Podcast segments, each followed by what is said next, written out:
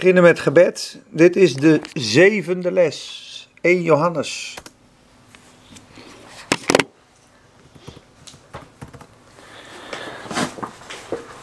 Vader, we danken u in de machtige naam van de Heer Jezus Christus. Heer, we danken u dat we op uw woord samenkomen.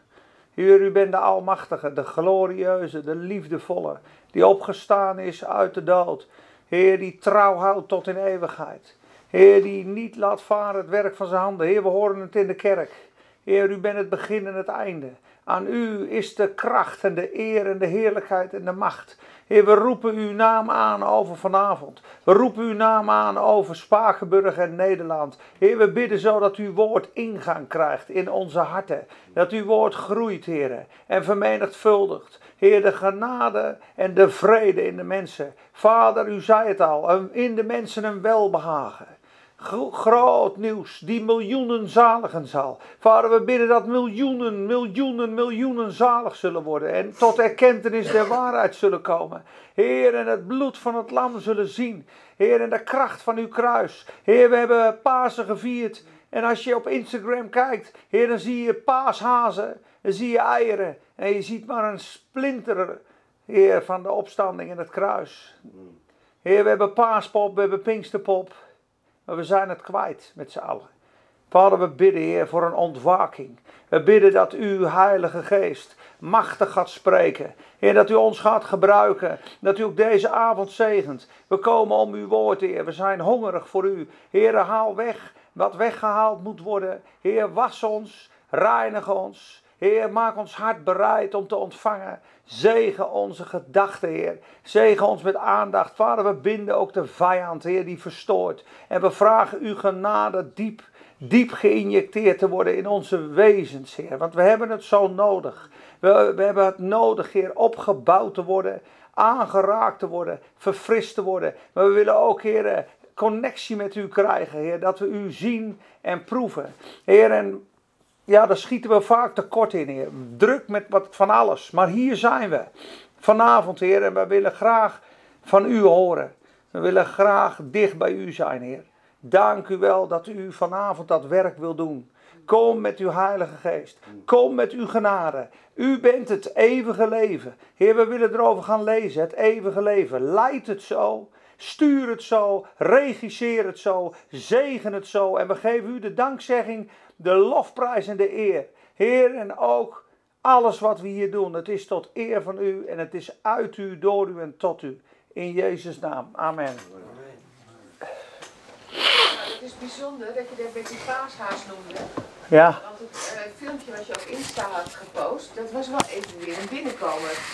Uh, begrijp je wat ja. ik bedoel? Ja. Van wow, hey, dat is wel even... Wat een lijden. Ja, van de Passion. Ja, ja. Ja. Weet je over welk filmpje ik het heb? Van de, van de kruisiging? Ja. Oh, Oké. Ja. Ja, die heb ik speciaal gemaakt in een half uurtje. Ik was aan het laden met mijn auto. Ik Ja. had eh, met clips op mijn telefoon had ik drie eh, gedeeltes aan elkaar Ja, gemaakt. elkaar, ja. Die had ik op YouTube gezocht. Maar die kruisiging en die opstanding. En eh, ja, als je dat leest. Ik heb ook een lijstje gemaakt. Ik weet niet of ik het. eh, of, ik het of ik erbij kan. Maar eh, ik zal eens kijken of ik erbij kan. In mijn notities. Het synchroniseert niet allemaal meer. Ik heb het denk ik in mijn andere telefoon gemaakt. Maar eh, ik weet het wel een beetje uit mijn hoofd. Maar ik, ik denk, ik ga die bewijzen eens lezen. In die evangeliën. En dan heb ik Johannes, Lucas, Marcus, Matthäus gepakt. Als je ziet wat er gewoon qua geschiedenis al gebeurt. Op die momenten. Als de Heer Jezus overgeleverd wordt. Vanaf het moment dat hij gekruisigd wordt die bewijzen die er zijn. Dat is dus gewoon een aardbeving. Dus alles begint te schudden. Het voorhangsel gaat door midden. De graven gaan open. Gewoon letterlijk, hè. Drie uur duisternis op klaarlichte dag. Dus van 12 uur s middags tot 3 uur s middags. Pikken, pikken donker. Dat is nog nooit gebeurd. De graven gingen open. De heiligen waren in de stad te vinden. De Simpson, David, Salomo, Elia, Elisa, Jeremia. Die hebben gewoon in de stad gelopen van Jeruzalem. De wachters vielen als dood neer, die ben omgekocht. Een grote som geld werd hun gegeven. Ze gingen naar Pilatus en zeiden: Ja, die misleider het zei dat hij na drie dagen zou opstaan. Misschien halen ze discipelen dat lichaam weg. En uh, dan hebben we nog meer opschudding. Dan wordt die dwaling nog groter, want ze zagen hem als een dwaling. En toen de steen weggerold werd, vielen de wachters als dood en zat er een engel in een lichtgevend gewaad. En toen hebben ze daarna die wachters omgekocht met een grote som geld. En ben ze naar Pilatus gegaan waar regelen dat wel met jullie? Dit verhaal doet nog nu de ronde. Caiaphas, Annas. Dus al die dingen had ik opgeschreven. Ik had wel zo'n lijst. Daarom en dat zullen we straks ook lezen. En ik wil eigenlijk dat stukje uh, wel proclameren met jullie. Um, uh, ik weet niet of dat praktisch kan, omdat ik hem hier in mijn notities heb.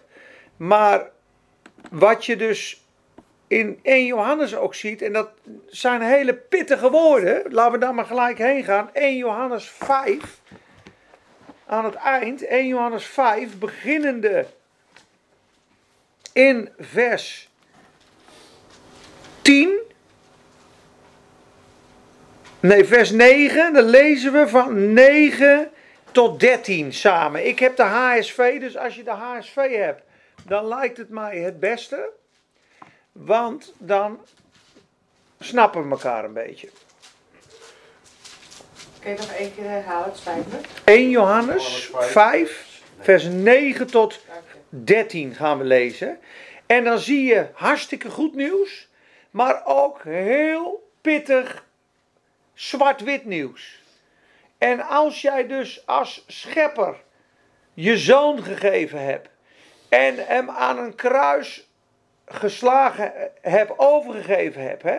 Hij is dus de toren van God, de rechtvaardige toren over alle zonden, heeft God op Jezus uitgestort. Het liefste wat hij had, heeft hij gegeven. Is gegezeld, baard uitgetrokken. Dus alles wat destijds gebeurt, hebben ze gewoon onder het tapijt geschoven.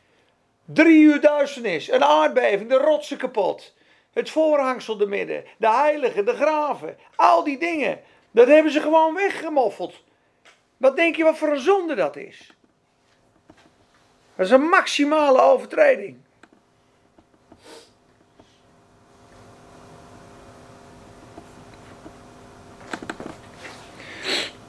Nou, notities zijn weg. Ik weet niet of dat uh, erg is. Eigenlijk niet, maar ik zoek ze wel even op. Hier heb ik ze alweer.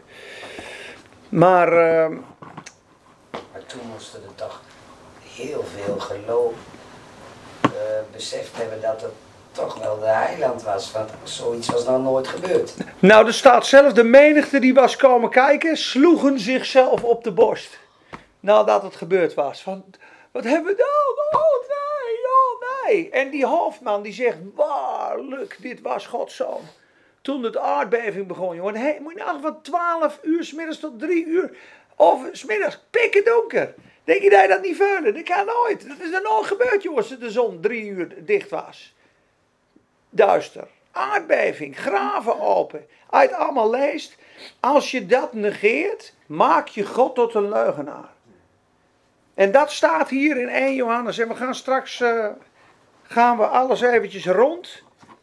We gaan het over het eeuwige leven hebben. We beginnen gewoon aan het begin van de brief, maar we gaan nu even dat stukje proclameren. Dus ik lees het eerst één keer en daarna lezen we het met z'n allen tegelijk. Als, vers 9, als wij het getuigenis van de mensen aannemen, het getuigenis van God is groter. Want dit is het getuigenis van God, dat hij getuigd heeft over zijn zoon.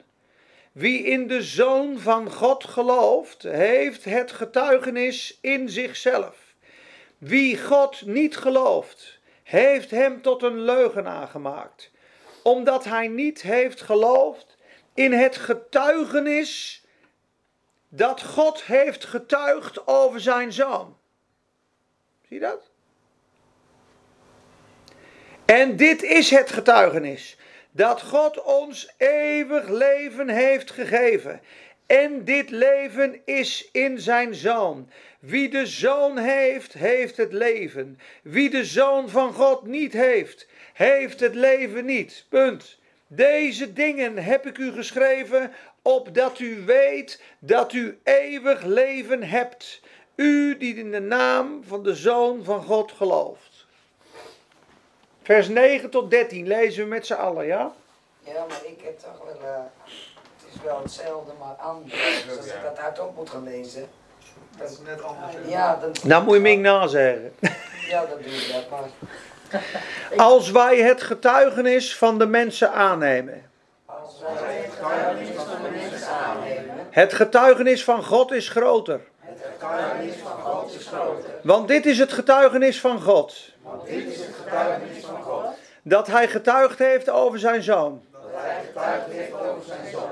Wie in de zoon van God gelooft, in de zoon van God gelooft. heeft het getuigenis in zichzelf. Heeft het getuigenis in zichzelf. Wie God niet gelooft, heeft hem tot een leugenaar gemaakt. Heeft hem tot een leugenaar gemaakt. Omdat hij niet heeft geloofd Omdat hij niet heeft geloofd. in het getuigenis dat God heeft getuigd over zijn zoon.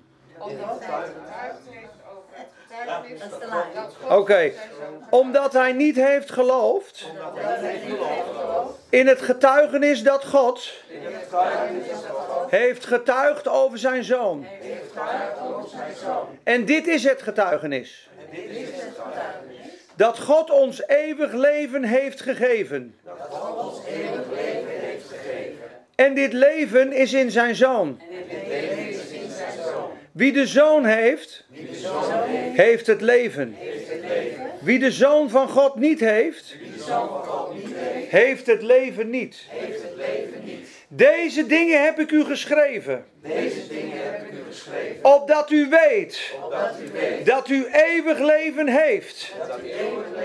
U die in de naam van de Zoon van God gelooft. Amen. Amen. Mooi. Gaan we naar 1 Johannes 1. We gaan vijf teksten lezen achter elkaar om een fundament te leggen over die eerste Johannesbrief. Wij zijn vorige keer gestopt met de zalving. De zalving die tegen misleiding is. De zalving die ons leert van alle dingen. De zalving die in ons blijft. De zalving die ons bekwaam maakt. De zalving die de jukken breekt. De zalving die ons leidt. Eigenlijk is het God zelf in ons. De Heilige Geest in ons, die ons bekwaam maakt om de dingen te doen die in eigen kracht absoluut onmogelijk zijn. Maar u hebt een zalving ontvangen, zegt Johannes, christenen. U christenen. En u weet alle dingen. En de zalving die u van u ontvangen hebt, blijft in u. En u hebt niet nodig dat iemand u onderwijst, want de zalving zelf onderwijst u. Dus het is een leraar, dus het is een persoon van alle dingen. En zoals zij u geleerd heeft, blijft in hem. Nou, en dan gaat hij in dat stuk straks ook weer over het eeuwige leven beginnen. En 1 Johannes is onderverdeeld, of je het belangrijk vindt of niet, in drie gedeeltes. Het eerste gedeelte is hoofdstuk 1 tot hoofdstuk 2, vers 11. En dat is de condities van de gemeenschap met God. Dus wat is er nodig om in gemeenschap met God te blijven? En dat is het eerste gedeelte. Dat was in het licht leven, oprecht zijn. Dat was als je ervaart dat je gezondigd hebt, beleid je dat aan God. En dat was de broederliefde en het vertrouwen op God. Indien je in zijn woorden blijft, blijft God in jou. Als je je broeder lief hebt, blijf je in het licht. Er geen aanstoot is in hem. Dan komt dat tweede gedeelte, is de waarschuwing tegen de misleiding van de vijand, tegen die antichrist. En dan begint hij in hoofdstuk 3, dat is het laatste gedeelte, het goddelijke leven en al zijn kracht daarvan. Daar begint hij, u bent uit God geboren. Dat was de eerste les. Daar ben ik mee begonnen omdat ik dat zo belangrijk vond. En dan gaat hij uitleggen hoofdstuk 3, hoofdstuk 4, hoofdstuk 5. Wie wij zijn, uit God geboren. Dat is eigenlijk waar de hele brief de strekking en de kracht vandaan haalt. En dat wil ik je laten zien in de eerste paar versen. En daarna gaan we een sprongetje maken naar hoofdstuk 2. Daarna een klein sprongetje naar hoofdstuk 5. En dan het allerlaatste vers weer. En dan zullen wij vanuit de Bijbel gaan onderzoeken en bevestigen wat hier gezegd wordt. Want dit is een van de allerbelangrijkste boodschappen die er zijn. En die heeft hij geschreven opdat u niet misleid zou worden. Ik heb u deze dingen geschreven tegen hen die u misleiden. Dus dat eeuwige leven, dat is gigantisch belangrijk. En ik heb erover nagedacht, dat eeuwige leven is niet een iets, maar dat zullen we vanavond ook zien, dat is gewoon de Heer Jezus zelf. Hoofdstuk 1, vers 1. 1 Johannes 1, vers 1. Wat vanaf het begin was, wat wij gehoord, wat wij gezien hebben met onze ogen, wat wij aanschouwd en onze handen betast hebben, betreffende het woord van het leven. En het leven is geopenbaard en wij hebben gezien en getuigen en verkondigen u het eeuwige leven dat bij de Vader was en ons geopenbaard is. Daar begint hij mee. En ze zeggen dit omdat ze in die tijd zeiden dat Jezus niet in het vlees gekomen was. Dat is de misleiding in hoofdstuk 4. Iedere geest die niet beleidt dat Jezus in het vlees gekomen is, is niet uit God. Het is maar een zweverig iets. Hij is nooit mens geworden. Hij is nooit tot zonde gemaakt. Hij is nooit gekruisigd. Daar haal je die misleiding onderuit. Daarom zeggen ze wat onze ogen gezien hebben. Wat onze handen aangeraakt hebben. Wat wij geproefd hebben. Wat wij hebben met hem gewandeld. We hebben hem gezien. We hebben hem aangeraakt. Dat getuigen wij. Dat is het leven waarvan wij spreken. Dat is het eeuwige leven dat bij de Vader was. Dat is Christus. Dus die brief begint met een inleiding. Wat verkondigen ze? Het eeuwige leven. Dus deze brief gaat over het eeuwige leven en hoe in dat eeuwige leven te wandelen. Je hebt voor eeuwig leven, dat hebben we net gelezen. Ik heb u deze dingen geschreven opdat u weet dat u eeuwig leven hebt. Niet zal krijgen. Want je zou nog kunnen zeggen in hoofdstuk 2 staat er. En dit is de belofte die hij ons beloofd heeft. Het eeuwige leven. Nou, daar zou je nog van kunnen maken. Ja, dat is een belofte. Ja, dat klopt. Dat heeft hij beloofd. Maar dat krijg je dan straks als je goed je best gedaan hebt. Dan belooft hij dat. Nee, nee, nee, nee, nee. Hij heeft het beloofd dat hij het jou gegeven heeft. In hoop op het eeuwige leven, welke God ons gegeven heeft. God die niet kan liegen, voor de tijden der eeuwen. Titus 1, vers 2. De belofte van het leven. Dus wij verkondigen u het eeuwige leven. Dat is hoofdstuk 1, vers 2. Wat wij gezien hebben, wat we aangeraakt hebben, wat we onze handen betast hebben. Dat verkondigen wij u het eeuwige leven. Maken we een sprongetje naar hoofdstuk 2, vers 25. Midden in dat stuk waar we vorige keer waren. Hoofdstuk 2, vers 25. En dit is de belofte die hij ons heeft beloofd. Het eeuwige leven. Dit heb ik u geschreven over hen die u misleiden. Zie je dat de boze er altijd op uit is om je te laten twijfelen aan je eeuwige bestemming. Je moet nog iets doen. En dan is het goed tussen jou en God. Ja, dat klopt, het is genade, maar je moet ook zo en zo en zo. Jezus plus een beetje is helemaal niets. Het is Jezus en die gekruisigd, pure genade. De wetticistische mensen zeggen er moet iets bij. En de leer die hier was, die zegt ja, net als de islam bijvoorbeeld, die erkent niet Jezus als de zoon van God.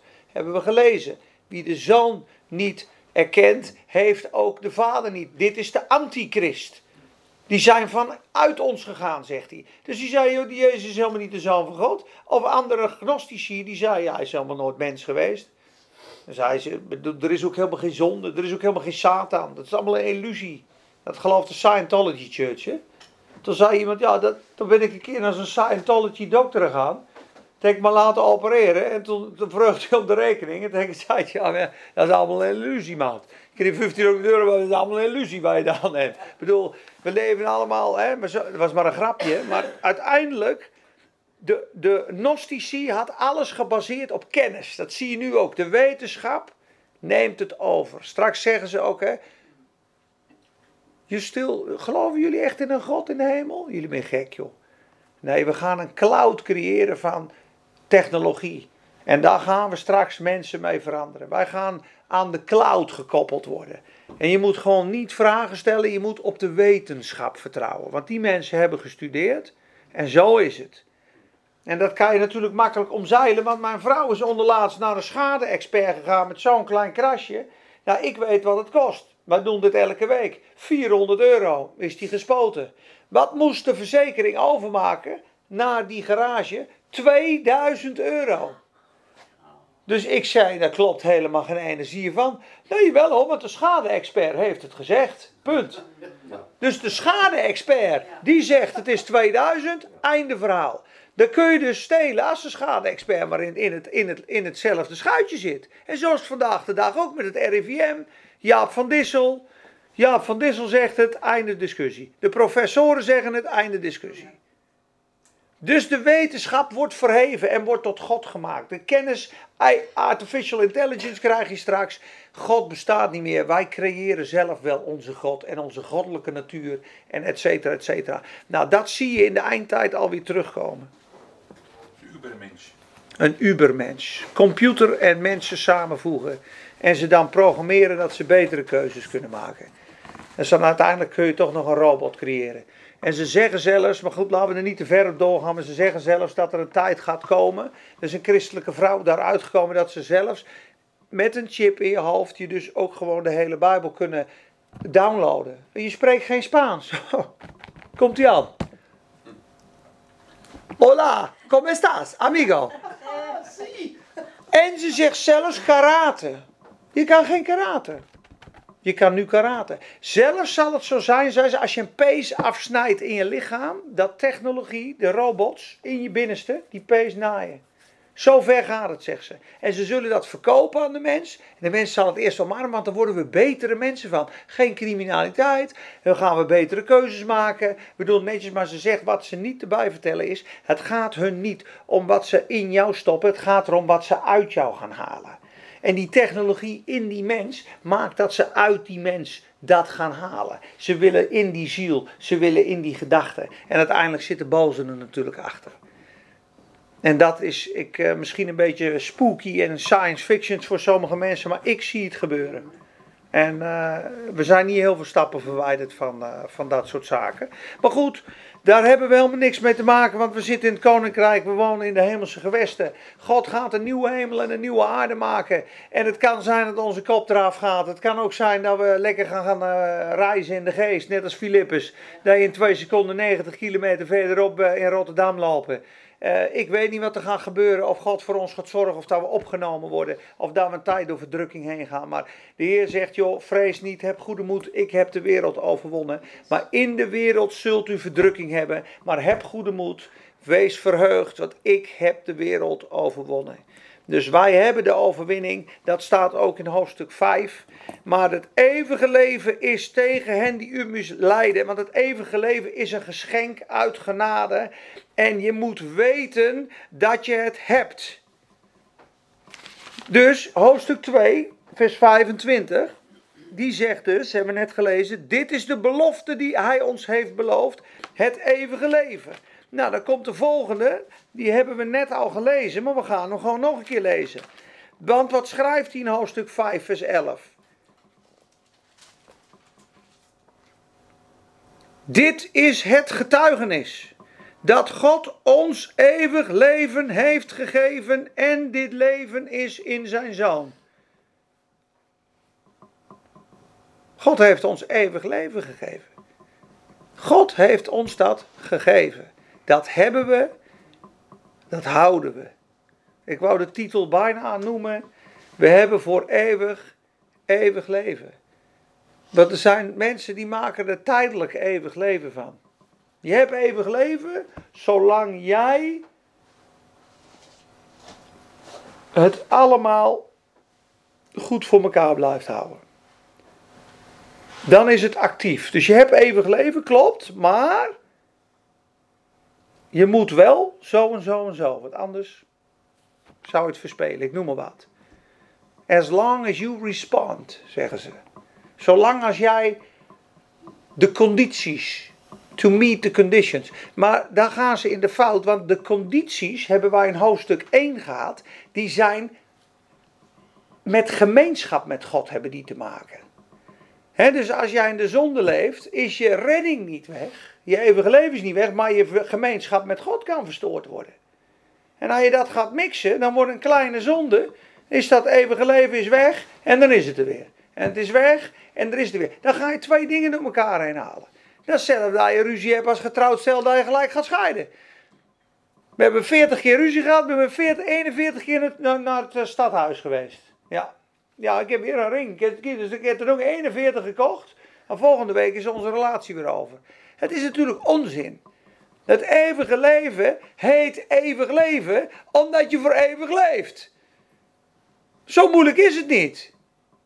Amen. We hebben eeuwig leven. Klaar. Punt. Einde. Wie de zoon heeft, heeft het leven. Het eeuwige leven. Wie de zoon van God niet heeft, heeft het eeuwige leven niet. Wat hebben wij? Wat zegt de Bijbel? Christus in u. Dat is het eeuwige leven. De hoop der heerlijkheid. Weet je wat dat betekent? Christus in u, de hoop der heerlijkheid. Wie, wie, wie denkt te weten wat dat betekent?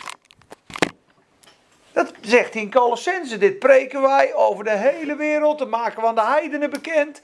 De glorie van het geheimenis van de heerlijkheid van God. Welke is Christus in u. De hoop der heerlijkheid. Wat zou het betekenen?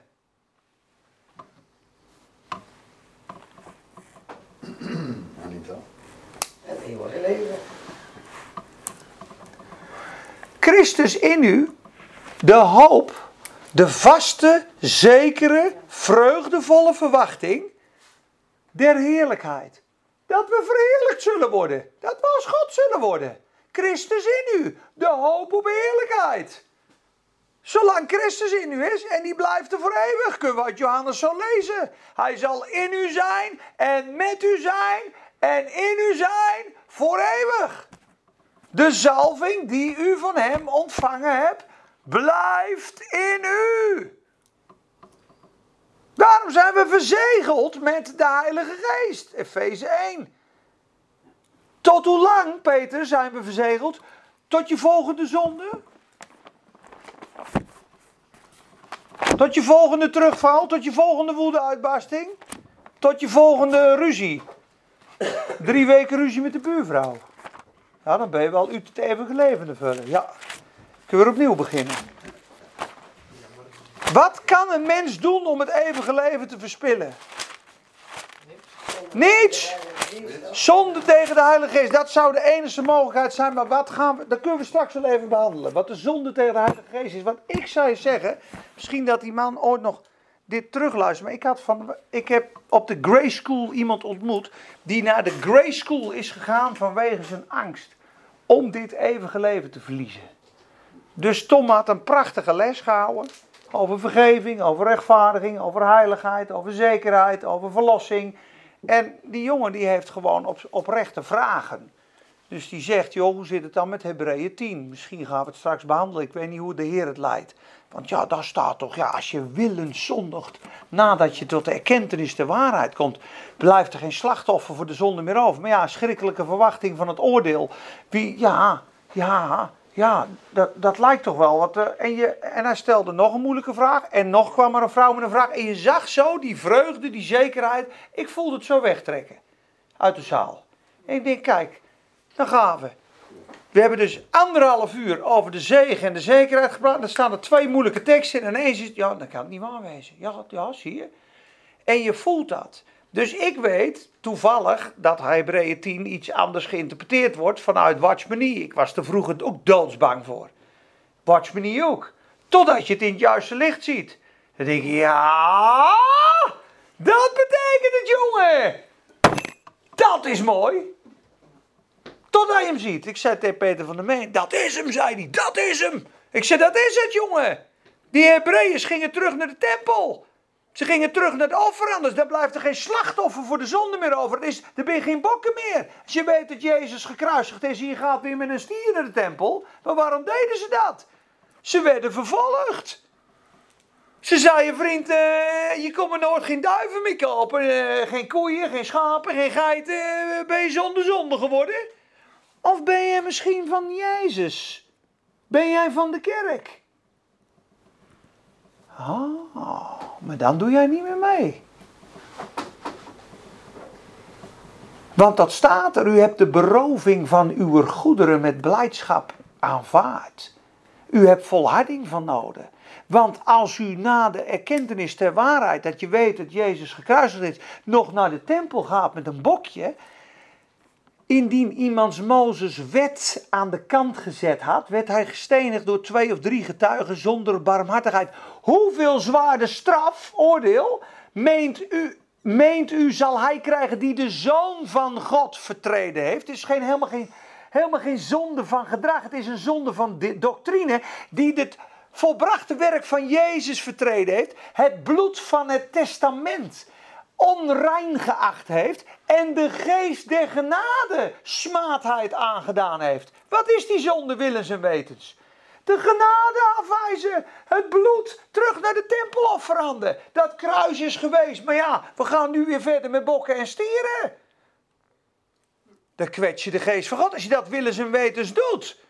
Om uit, onder de vervolging vandaan te komen. Dan ben je aan het zondigen. Dan kwets je de Heilige Geest, daar staat een oordeel op, zegt hij.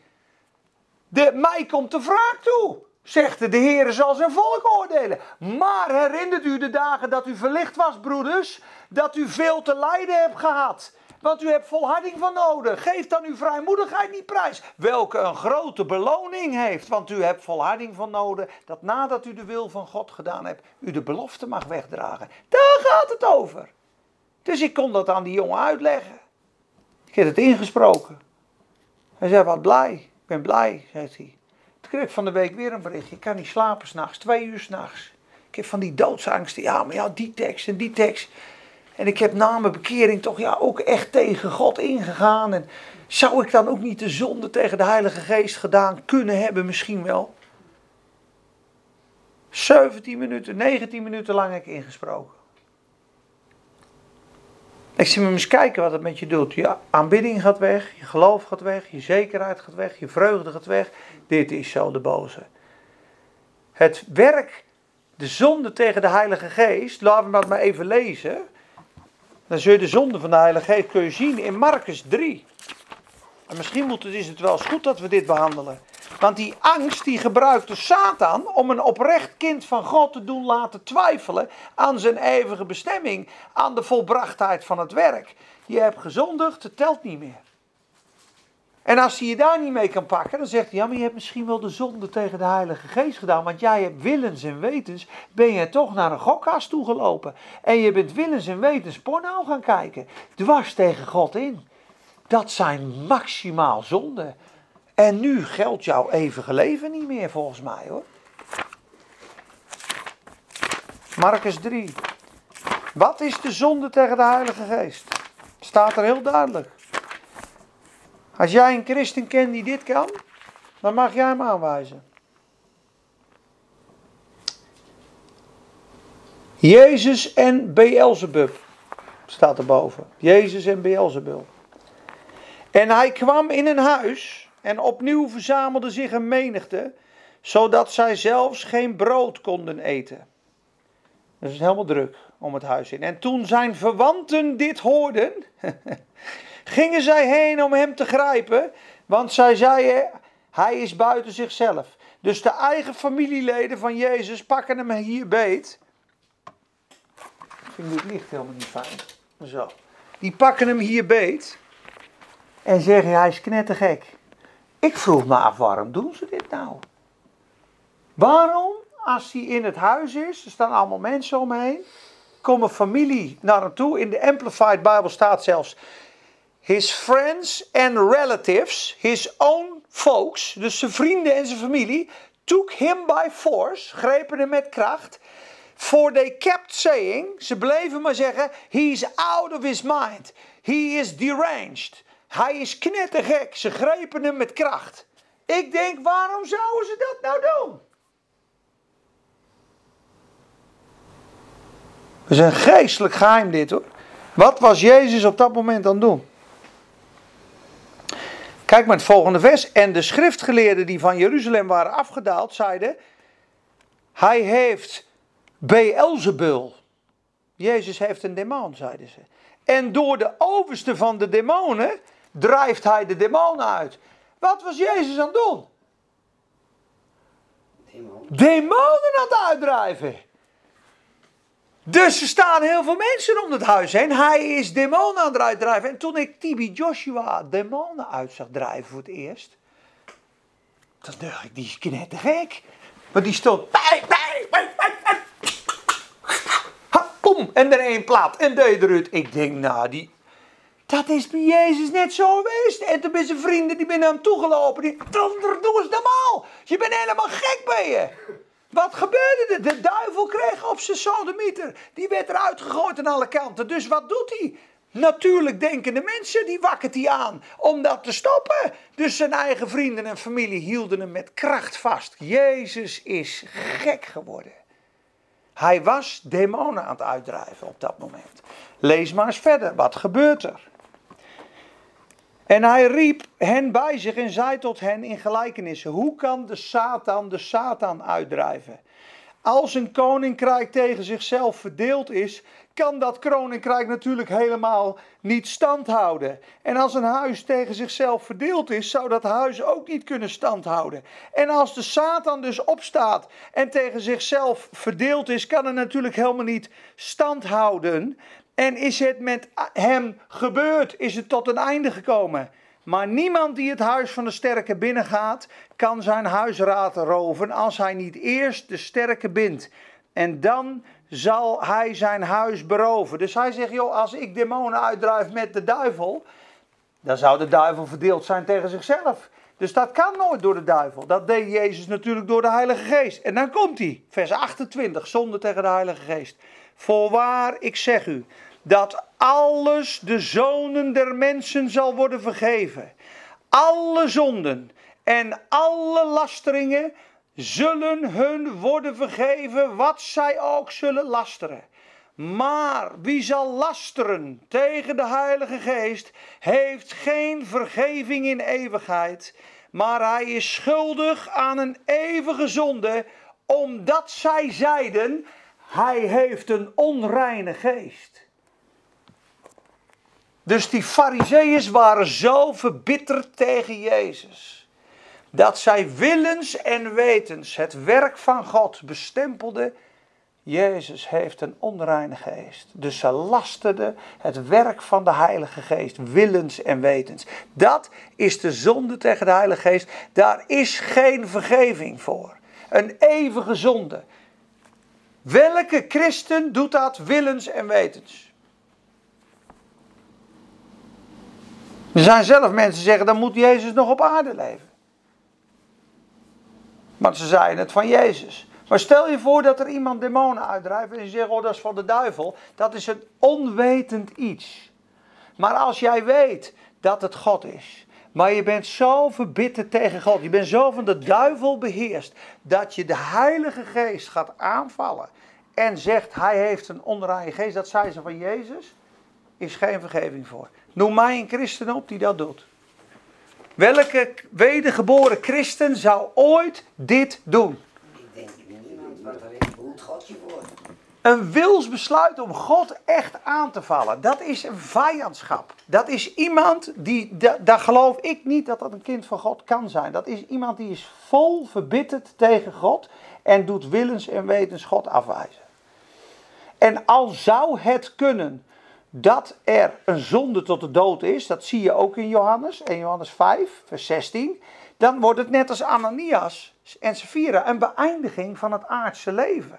Dat, dat is er wel, dat oordeel is er. Ananias en Sapphira vallen dood neer. Ja, ik ken mensen die zeggen, ik ben ervan overtuigd dat je ze in de hemel tegen gaat komen. Ze logen tegen de Heilige Geest. Op dat moment worden ze geoordeeld met hun einde van hun aardse leven. 1 Korinthe 11. Om die reden slapen er niet weinig. Misbruik van het avondmaal. Slapen er niet weinig, waren niet dood. Er is een zonde tot de dood. Ik zeg niet dat hij daarvoor bidden zal. Je kunt zo in zonde leven dat God je aardse leven beëindigt. Dat kan. Maar het eeuwige leven. Laten we dan naar, 1, naar Johannes 10 gaan. Zullen we Johannes 10 lezen? Ze zullen geen zins verloren gaan tot in eeuwigheid. Dat is wel een mooie belofte, toch?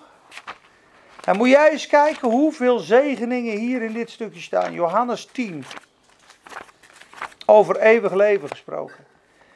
En laten we even het schaap Grekadol nemen.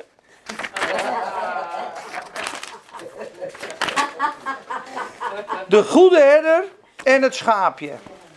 En dan moet je goed begrijpen dat ik heb een cursus gehad met Sheepdog Experience. Wij hebben met ons bedrijf een cursus gehad.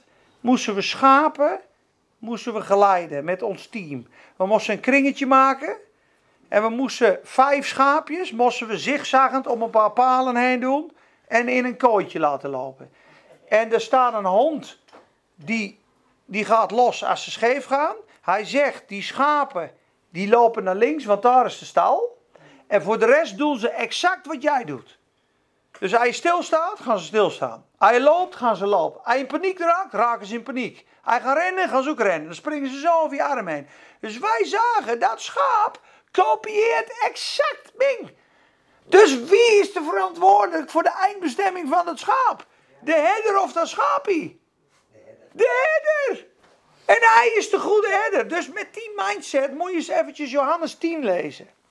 Dus we beginnen, dan ga ik een sprongetje maken. Kijk, wanneer, vers 4, Johannes 10, vers 4. Wanneer hij al zijn eigen schapen heeft uitgedreven, gaat hij voor hen uit. En de schapen volgen hem, omdat ze zijn stem kennen. Maar een vreemde zullen zij geen zins volgen. Dat is een oprecht kind van God. Dus Grekedol zal de stem van een ander niet volgen. Maar zij zal zelfs van hem wegvluchten, van de boze. Omdat zij de stem van de vreemde niet kennen. gaan we een sprong maken. Vers 26. Maar u gelooft niet, zegt hij tegen de Joden, omdat u niet tot mijn schapen behoort, zoals ik u gezegd heb. Mijn schapen horen mijn stem. Ik ken ze en ze volgen mij. Ik geef hun eeuwig leven. Ik geef schaapje Grekedol eeuwig leven. Zij zal geen zins verloren gaan in der eeuwigheid. En niemand zal ze rukken uit mijn hand. Mijn vader die ze mij gegeven heeft, is groter dan allen. En niemand kan ze rukken uit de hand van mijn vader. Ik en de vader zijn één. Nou, als, wat wil Jezus voor punt maken hier? Wat wil hij dan zeggen? Dan gaat een telefoon af daar, denk ik. Echt? Oh, dat is iets van jou. De stem van een vreemde hoort zij niet. Kan iemand een glaasje water voor mij pakken toevallig?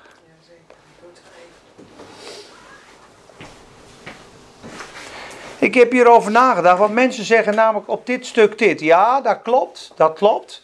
De schapen gaan niet verloren. Uh, hij houdt ze ook vast. Niemand kan ze ook rukken uit zijn hand. En ook niet uit de hand van de vader. Maar jij zelf kan wel weglopen. Dat wordt er dan gezegd. Ja, dat, dat staat er wel. Je hebt wel eeuwig leven. Je zult wel niet verloren gaan. Maar jij zelf kan weglopen. Ik heb daarover nagedacht door de jaren heen. Ik heb ook eens gedacht, ja, dat kan. Dat zou wel kloppen dan. Totdat ik vers 5 las. Ik denk, het is filosofie, dat staat er helemaal niet. De, de stem van een vreemde volgen zij niet. Zij zullen, ze volgen mij, ze kennen mijn stem. Ze zullen de stem van een vreemde niet volgen. Ik denk, nee, dat schaap blijft. Niemand zal ze uit Gods hand roven. Niemand kan ze uit de hand van de Vader roven. Ze hebben eeuwig leven en ze zullen geen zins verloren gaan tot in eeuwigheid. Dat is zo resoluut als wat. Toen dacht ik, oké, stel je voor, Jezus geeft nu zeven beloftes op een rij. Toen dacht ik, al had hij er een miljoen gemaakt achter elkaar, dan had nog steeds die ene vraag alles getekeld. Ja, maar jij kan zelf weglopen. Toen dacht ik, zie je hoe listig die is. Al had Jezus twaalf hoofdstukken lang beloftes geschreven. Je kunt niet verloren gaan. Je volgt de stem niet. Ik hou je vast. Groter is mijn vader, die houdt jou ook vast. Niets kan mij scheiden van jouw liefde. Ik breng jou in de eeuwigheid. Ja, dat klopt allemaal wel, maar jij. Zou alles in één keer ontkrachtigen. Toen dacht ik, het kan helemaal niet waar zijn, want het zou niet meer stroken met zijn beloftes. En het staat er gewoon. Ik heb een andere vers in mijn hoofd dat, dat hij de 99 schapen achterlaat en die ene schaap weer weggelopen is. Gaat hij zelf achteraan, hè? Ja, Dus uh, ook Ja. loop je weg, hij gaat achter je aan. precies. En dat zegt hij ook bij Petrus. De Satan heeft. De Satan heeft begeerd u als tarwe te ziften. Maar ik heb voor jou gebeden dat je geloof niet zou falen. Zelfs toen Petrus Jezus verloogde, is de Satan is naar God gegaan. Weet je wanneer Satan naar God ging? Toen Petrus zei: Ik zal u nooit verlaten. Al gaat iedereen weg, ik blijf tot u in de dood. Dat zei hij. Toen is de Satan gegaan. Hey, hij roemt in eigen kracht. Ik, eh, ik ga dat toetsen, want ik ben de verzoeker. Satan heeft begeerd u te ziften als tarwe. Dat zag Jezus in de geest. Maar ik heb voor u gebeden, Simon, dat uw geloof niet zou falen. Hij was gebroken en verbitterd na die verloochening. Als Jezus niet voor hem gebeden had, had hij geen geloof meer om terug te komen. Maar Petrus stond op de Pinksterdag vrijmoedig te preken. Jullie hebben hem verloochend, zegt hij. Maar moet nog wel lef hebben. In Handelingen 3. Toen jullie, dit volk zegt, jullie hebben hem verloochend. Toen jullie voor Pilatus stond, en jullie de Heer Jezus verloochend. Dan zou je zeggen, hou je je snavel eens joh. Maar je vleukend en zwerend hem zelf verloochend. Je bent drie jaar met hem heen wandeld. Wat zullen we nou krijgen? Maar hij was totaal vergeven, totaal opnieuw geboren. En het was aan het kruis genageld. En hij kon vrijmoedig zeggen: Jullie hebben de Heer Jezus Christus verloochend. Hoe durf je het, hè? Maar Christus had voor hem gebeden. En nog iets, jongens, die uit God geboren is, overwint de wereld. Punt. Die uit God geboren is, zondigt niet, want zijn zaad blijft in hem. En hij kan niet zondigen, want hij is uit God geboren. Wie uit God geboren is, doet de zonde niet, maar bewaart zichzelf. En de boze vat hem niet. Dat zijn de beloftes waar wij op moeten gaan staan. En niet op filosofie. Ja, maar niets kan jou scheiden van Gods liefde. Maar jijzelf wel.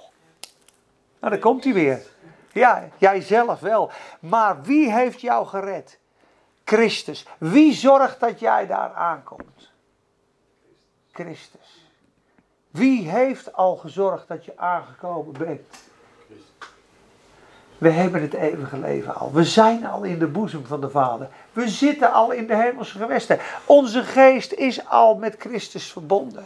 Alleen ons lichaampje en onze ziel gaan erachteraan. Wij hebben eeuwig leven. En dat leven is vast en zeker.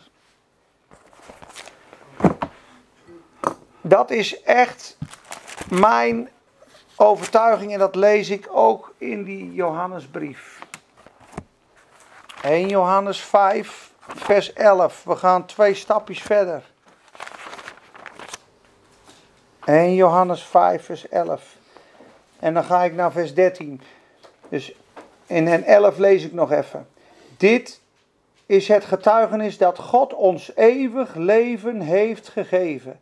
En dit leven is in zijn zoon. Wie de zoon heeft, heeft het leven. Wie de zoon niet heeft, heeft het leven niet. Daarom moet je het herhalen. Deze dingen heb ik u geschreven. Waarom heb je ons geschreven, Johannes?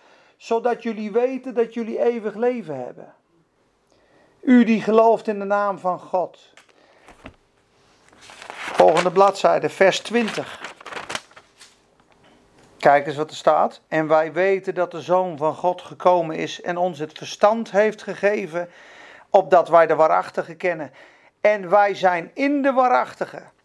In zijn Zoon Jezus Christus. Deze is de waarachtige God en het eeuwige leven. Jezus is het eeuwige leven. Jezus te hebben, te ontvangen, opnieuw geboren worden, ja, is eeuwig leven ontvangen. Dus Jezus moet uit jou gaan om het eeuwige leven te verliezen. Maar hij heeft beloofd dat hij in ons blijft. Dat doet hij niet. Hij verlaat je niet. Ik zal u geen zins verlaten op een gegeven moment. Je kan zijn geest bedroeven. Maar hij heeft een eeuwig verbond op genade met ons besloten. Ik heb die jongen daarna proberen te bemoedigen. We hebben het over de zonde van de Heilige Geest. Toen heb ik hem over het fundament verteld van 1 Korinthe 3. En ik zeg oké, dus jij zegt, ik ben willens en wetens tegen God ingegaan na mijn bekering. En nou zou het wel eens kunnen zijn dat het niet meer zo goed is tussen mij en God. En dat ik het dus verspeeld heb. En daar word ik op aangevochten, zo erg dat ik er niet van kan slapen. Ik zei, zal ik het je voorlezen wat er staat? Want dat zegt de Bijbel namelijk. Wat God doet met een zondigende christen. Dat staat er ook in. Ga maar eens naar Psalm 89. Dat zijn de laatste paar teksten die ik hierover deel, want anders wordt het te veel. Ik denk nog een stuk of twee, drie. En dan wil ik nog een stukje misschien uitweiden over de val van de boze. Of de boom des levens, dat weet ik niet. Maar kijk eens even, lieve mensen, naar Psalm 89. Daar staat het antwoord. En daar mag je op rusten. En misschien moeten we 1 Korinthe 3 ook lezen, want dan weten we dat fundament. En die jongen die ik kon bemoedigen, die zei: Ik heb nog nooit zoveel inzichten in één dag gehad. Ik ben, ik ben blij. Ik je, luister, het is, een, het is zelfs een zonde om het te geloven. Want de Satan stilt je vreugde en je geloof, doet je twijfelen aan het volbrachte werk. Maar jij moet gaan staan op dat werk. Dat heeft met jouw gedrag helemaal niets te maken. Als het uit je gedrag was, zit je in het oude verbond. Zolang jij het goed doet, is het tussen jou en God goed. Maar dat verbond is nieuw gemaakt vanwege de zwakheid van de mens. Toen heeft God een nieuw verbond gemaakt tussen zijn zoon en tussen zichzelf. Jezus is in onze plaats gestorven, heeft het volmaakte leven geleefd. En is aanvaard met God en heeft een verbond met God gesloten. En jij bent in dat verbond geklonken omdat je Jezus vasthoudt. Je hebt voor hem gekozen, je bent opnieuw geboren, je bent één geest met hem. Dus je bent een deelgenoot van dat plan. Let eens op, de beloftes die staan op Psalm 89 en prinsen in je gedachten.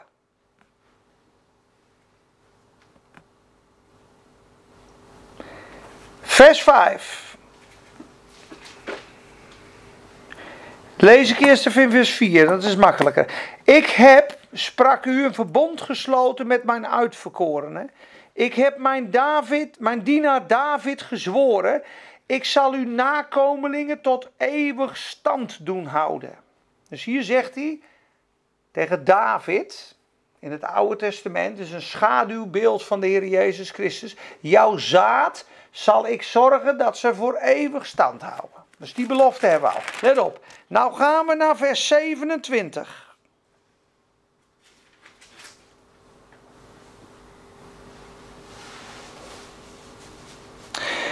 Dan gaat hij dat verbond beschrijven. Let op. Hij zal tot mij roepen, u bent mijn vader, mijn God. en de rots van mijn verlossing.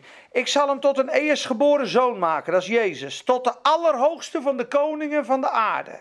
Ik zal mijn goede tierenheid tegenover hem voor eeuwig behouden, aan mijn verbond met hem trouw blijven. Dus tussen God en Jezus. Let op. Als ik zal zijn nageslacht, Gree, Kadol, die hebben ze nageslacht, Anita voor eeuwig laten bestaan en zijn troon als de dagen van de hemel. Let op, nou komt hij. Als zijn kinderen mijn wet verlaten. Dan gaat hij. Hey, hij luistert niet meer naar de Bijbel. En in mijn bepalingen niet gaan. Is ongehoorzame christen. Als ze mijn verordeningen ontheiligen en mijn geboden niet in acht nemen. Wat gebeurt er dan? Dan zal ik hun overtreding met roede straffen. Is de straf een oordeel? Wel zeker. God voedt ons op. En hun ongerechtigheid met slagen. Maar mijn goede tierenheid zal ik bij hem niet wegnemen. In mijn trouw zal ik niet falen. Ik zal mijn verbond niet onheiligen. Wat over mijn lippen is gekomen, zal ik niet veranderen. Ik heb gezworen bij mijn heiligheid. Nooit zal ik tegen David liegen. Zijn nageslacht zal voor eeuwig blijven. Zijn troon zal zijn voor mij zo vast als de zon. Hij zal voor eeuwig stand houden. Zoals de maan, de getuige in de hemel, is getrouw. Hoe duidelijk wil je het hebben? Een overtredende, zondige christen die de geboden niet doet, die de wet niet doet, die wegloopt bij God, die krijgt oordeel, tegenslag, kan plagen krijgen. De Heer kan je aan je oor trekken. Je kan de roede krijgen zoals 1 Korinthe 11, Hebreeën 12. Staat een tuchtiging. Als jij hoogmoedig blijft, dan zegt de Heer eventjes een tikketje vriend. Want hij heeft dat doet hij omdat hij ons lief heeft. Want als u zonder tuchtiging zijt, bent u een bastaard en geen zoon. Zodat wij deel krijgen aan zijn heiligheid. En wat staat er daarna? Strek nu de slappe handjes en de kromme knietjes. Met andere woorden, je en een pak rammel gaat. En ga weer verder op de weg. Want zullen wij onze aardse vaders hebben ons al getuchtigd omdat ze ons goed wouden doen. Zullen we niet veel meer de vader der geesten onderworpen zijn en leven? Dus hij voedt ons op. Maar hij heeft een verbond. Hij brengt ons, hij die een goed werk in u begonnen is, zal het volbrengen tot de dag van Christus. En wat zegt Efeze dan? We zijn verzegeld met de Heilige Geest. We zijn verzegeld met de Heilige Geest. Tot, tot wanneer? Tot wanneer?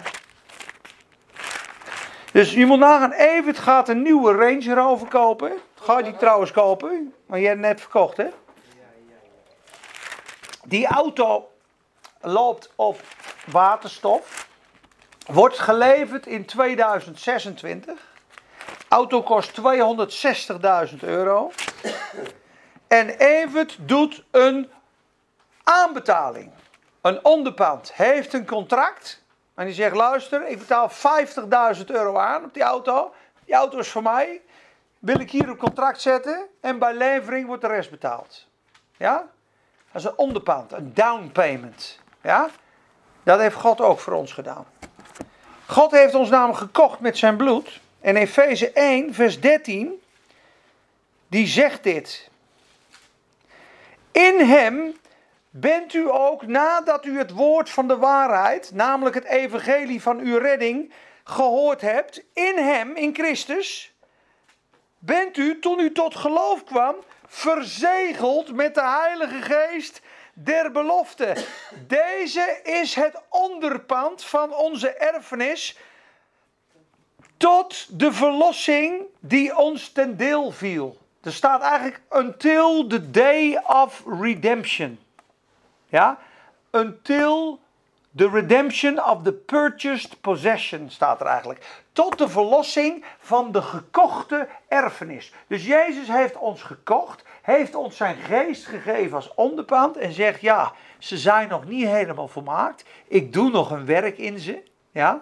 En ik kom ze straks halen.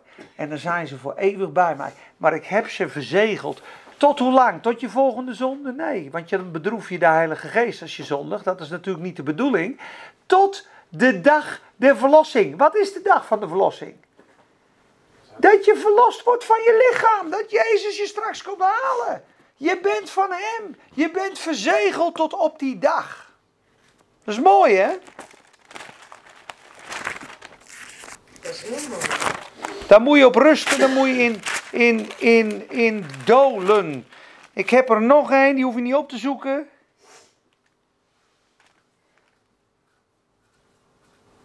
Ja, die ons ook verzegeld heeft en het onderpand van de geest in onze harten gegeven heeft. 2 Korinthe 1 vers 22 zegt hij dat nog een keer. Dus het feit dat de geest in jouw hart is uitgestort, de liefde van God is in jouw hart uitgestort, is het onderpand dat God in jou zit. Als Christus in je zit, heb je hoop op heerlijkheid. Als je fouten maakt en valt en zondigt, zal God je eerst waarschuwen, dan troosten, dan vermanen. Ben je dan nog eigenwijs, kan er een oordeel, een plaag of een roede plaatsvinden. Er kan zelfs beëindiging van het aardse leven zijn. Als jij echt willens en wetens blijft zondigen en de Heer heeft je een keer of vijf, zes gewaarschuwd en je gooit je kop in de wind, dan kan het zomaar eens een keer zijn dat, dat je heel hard stilgezet wordt.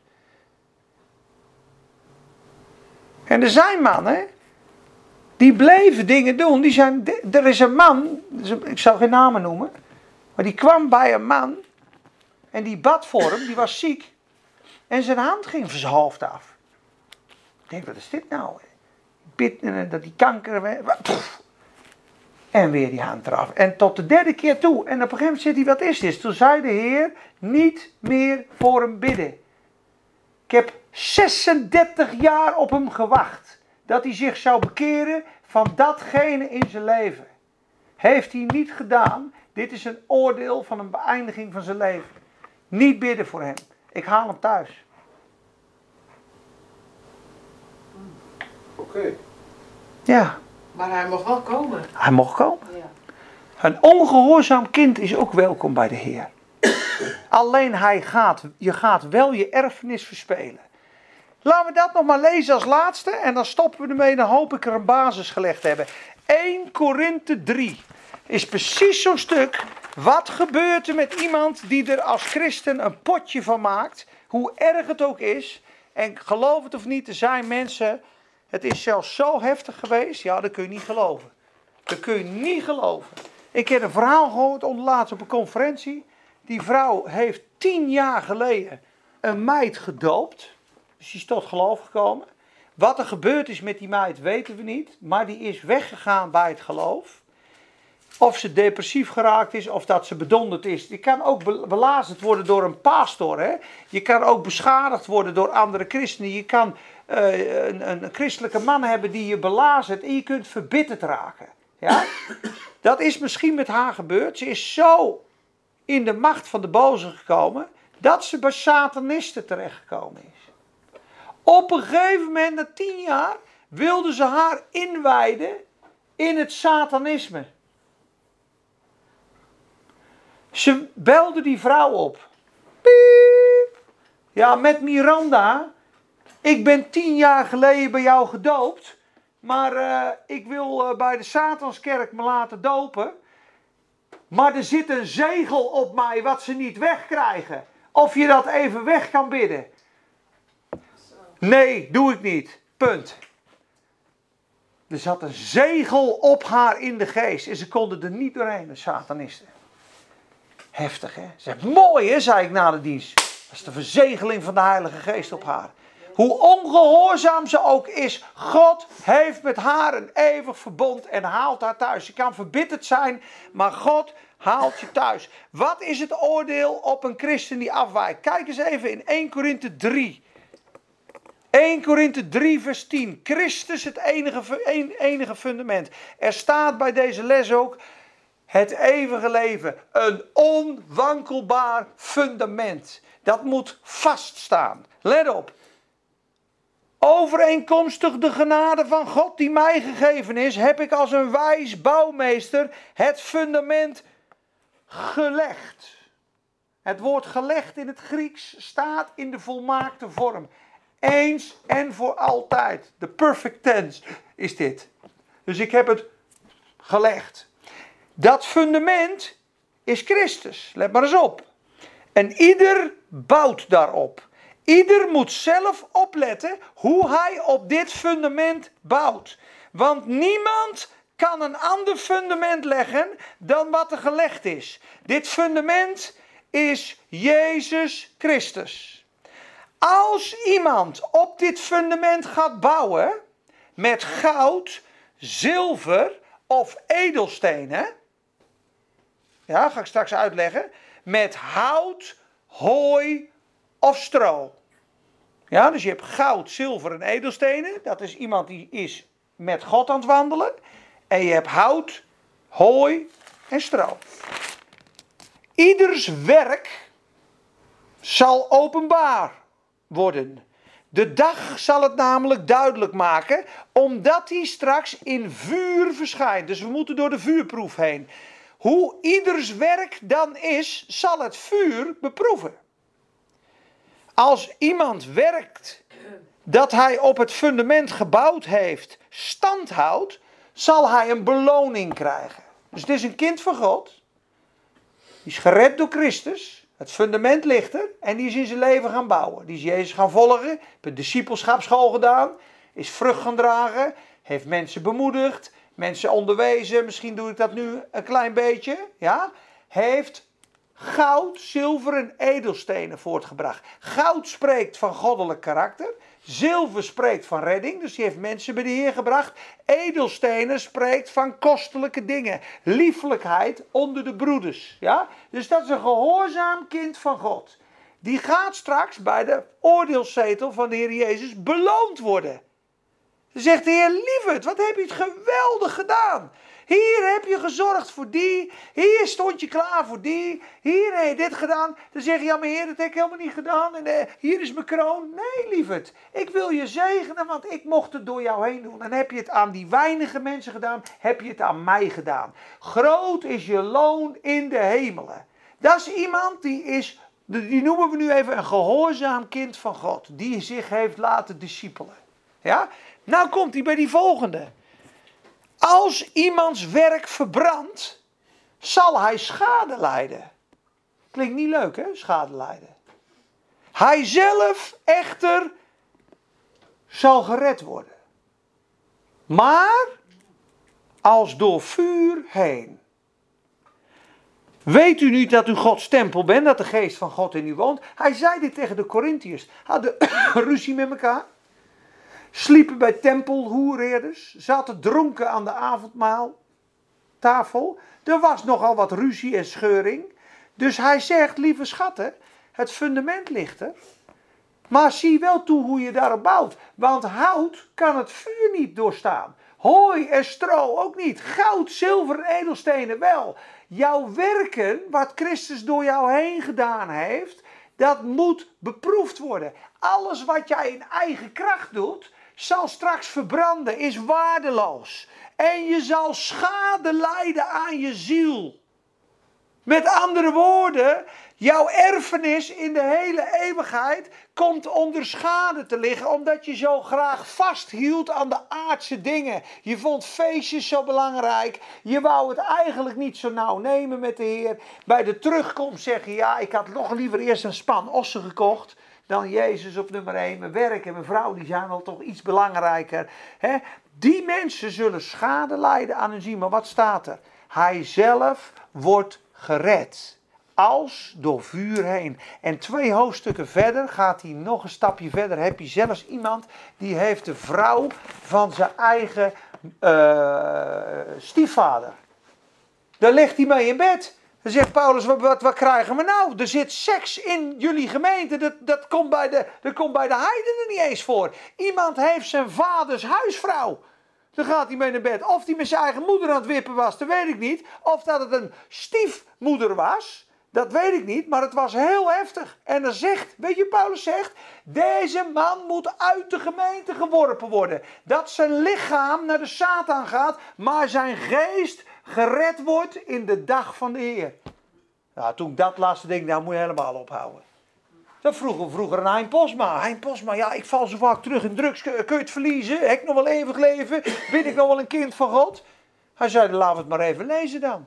1 Korinthe 5 is iemand die maximaal zondigt. Erger nog als de wereld leeft in zonde. Wij zouden allemaal zeggen, die gaat rechtstreeks naar de hel. Want die heeft, ja, die, dat is een nep-christen.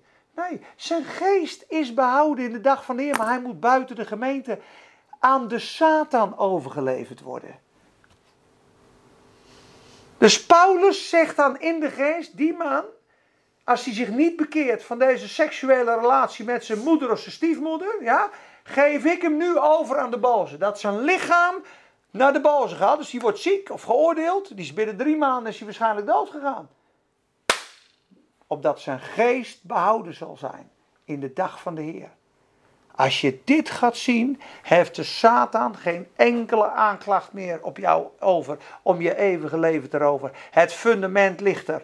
Als jij zondigt, krijg, kan je tuchtiging van de Heer krijgen, maar zijn goede tierenheid haalt hij nooit weg. Je bent verzegeld met de geest. Je wordt nooit uit zijn hand geroofd. Je hebt eeuwig leven tot in eeuwigheid. Dat is Christus in u, de hoop der heerlijkheid. Laat je nooit aanklagen. Want een christen kan nooit meer onder verdoemenis komen. Nooit meer.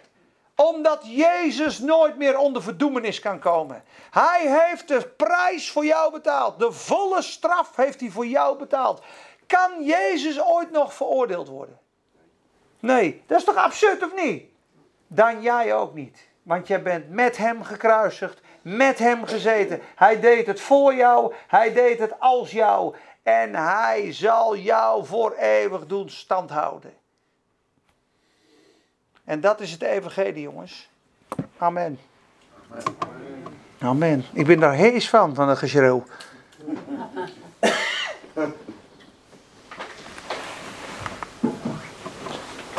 Kunnen jullie hier wat mee? Oh, zeker. Want je wordt altijd tegenovergesteld, dus eh, het is bij mij wel. eh, Je kan het verliezen. ja, dat hoor je altijd.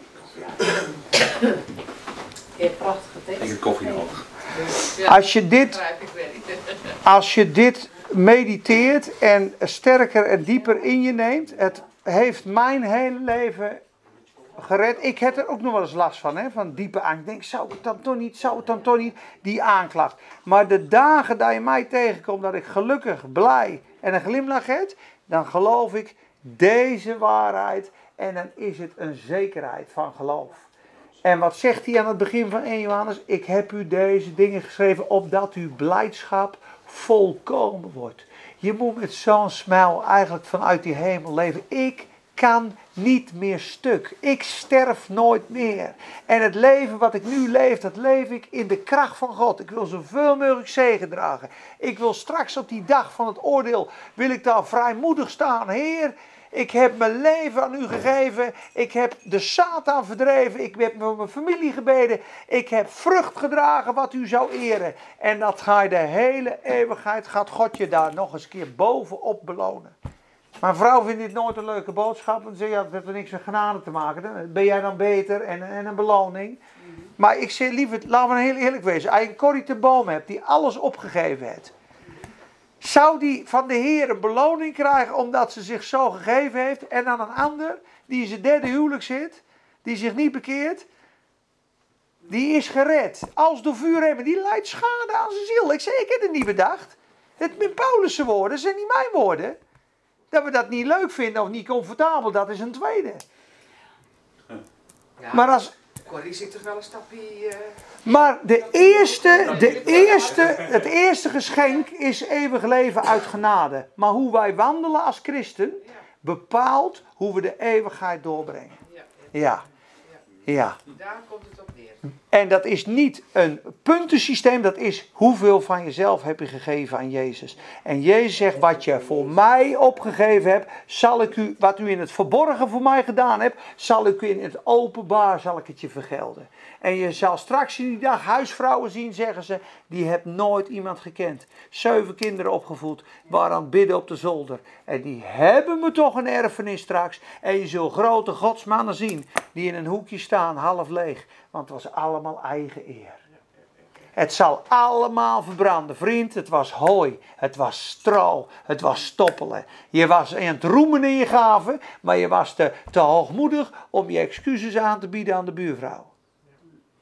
Met hoeveel liefde heb je het gedaan? En daar gaat het om. Dat onze harten straks voor God openbaar worden. En dat hoeven we niet bang te zijn, maar we worden niet meer veroordeeld, maar wel beoordeeld. En je kan beloning krijgen, maar je kan ook schade lijden. En dat wordt nooit gepreekt. Dat je schade kan lijden als christen. Dat staat er gewoon. Hij zal schade lijden aan zijn ziel.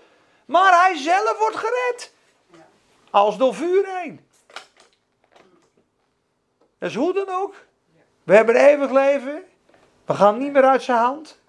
En de Satan is een leugenaar. En die aanklacht en die strijd blijft, jongens hoor. Maar als je dit blijft proclameren en je gaat staan, dan gaat de twijfel weg, dan krijg je geloof. Als je het even, wat denk je, kijk eens naar een, een, pasgeboren kind van God. Die heeft nul besef van de hel. Die is gered, die ben zo blij als een kind. Ik was verloren, ik ben gered, mijn zonde ben vergeven. Dat is de eerste liefde, daar moet je in leven. Die hebben de angst is kwijt. Ik ben, jongen, ik ben een red uit de duisternis. Ik ga nooit dood. Ik ga voor altijd bij de Heer zijn. Halleluja, ik heb eeuwig leven. Dat is toch de vreugde van een kind van God. Dat is normaal, moet dat voor ons wezen, jongens. Dat leef je vanuit je thuiskomst. Vanuit het huis van de vader. Dat is een belangrijke boodschap, jongens. Hoor. Maar die jongen die was bang en ik heb hem kunnen bemoedigen. Dus. Maar ik denk dat we er gewoon elke dag om moeten vragen.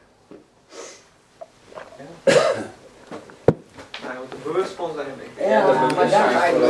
Ja, ja. Dat, dat is, Ja, en die beloften, die beloften zijn opgeschreven. Kijk, als je nooit leest, als je nooit studeert, als je het nooit je eigen maakt, dan ga je geloof niet sterk worden. Nee. Je moet het, je moet het eigenlijk zelf doorvorsen. Je gaat maar eens lezen. Eh, Pak hier één Johannesbrief. Je zit er straks in Spanje, lekker op je verandaatje. Het is drie uur middags. Denkt even een half uur te lezen. En dan bid je, Heer, laat mij een diepere laag van uw genade zien in uw woord. Ik kan het lezen als een krant, maar dat snap ik niet. Maar open deze schrift voor mij, dat mijn geloof versterkt wordt. Als je dat dan gaat bidden, dan ga je bladeren en dan krijg je in je hart, hé, hey, ik ga eventjes dat lezen. En dan komt hij. Echt, dan komt hij ineens, oh, dat heb ik nog nooit gelezen, joh. En dan is je hart vreugd. En heb je vers brood en vers geloof voor die dag. Moet je eens kijken hoe je dan uit eten gaat daarna. Dan zit je in de kracht van het geloof, is er nul twijfel. God is met je. Ik heb een vers woord van God ontvangen. En de volgende dag moet je weer een vers woord nemen. En dat moeten we gewoon doen. Maar niet? Nou, knaller. Ja. Mensen. ja. Hebben, er- zijn er nog Ja, vraagjes? prachtig, zeker. Doe op zijn weer.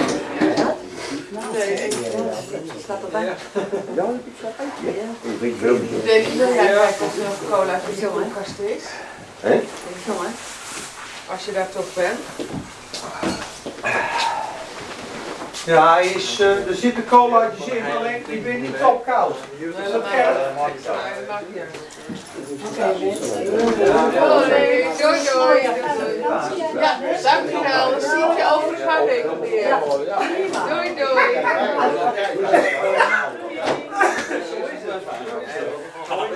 Hartstikke idee. Hey, wat merk je? Je wordt het niet. Nee, zeker niet. je er wel aan gehad? Tel er ook bij. Ja, ja, zeker. Ja, wat was er wel? Wat had hij gezien? Ja, als je het koud is, dan Ja, ja, Zo lang, lang is niet. weekend. Ja, Het is gewoon zo. Is niet ja. Zeker. Maar een klisma, hè? Nee, dat is Hé, die kinderen. Zie jou over een paar weken, schat. Ja. Ja, ik ben jullie van de week. Stuur je het even even naar voren. De band ook nog aan. fantastisch, Peet. Weet ik ook. Als je dat weet, dan uh, ja. Kun je Luisteren. Ja, vind je het mooi? Ja,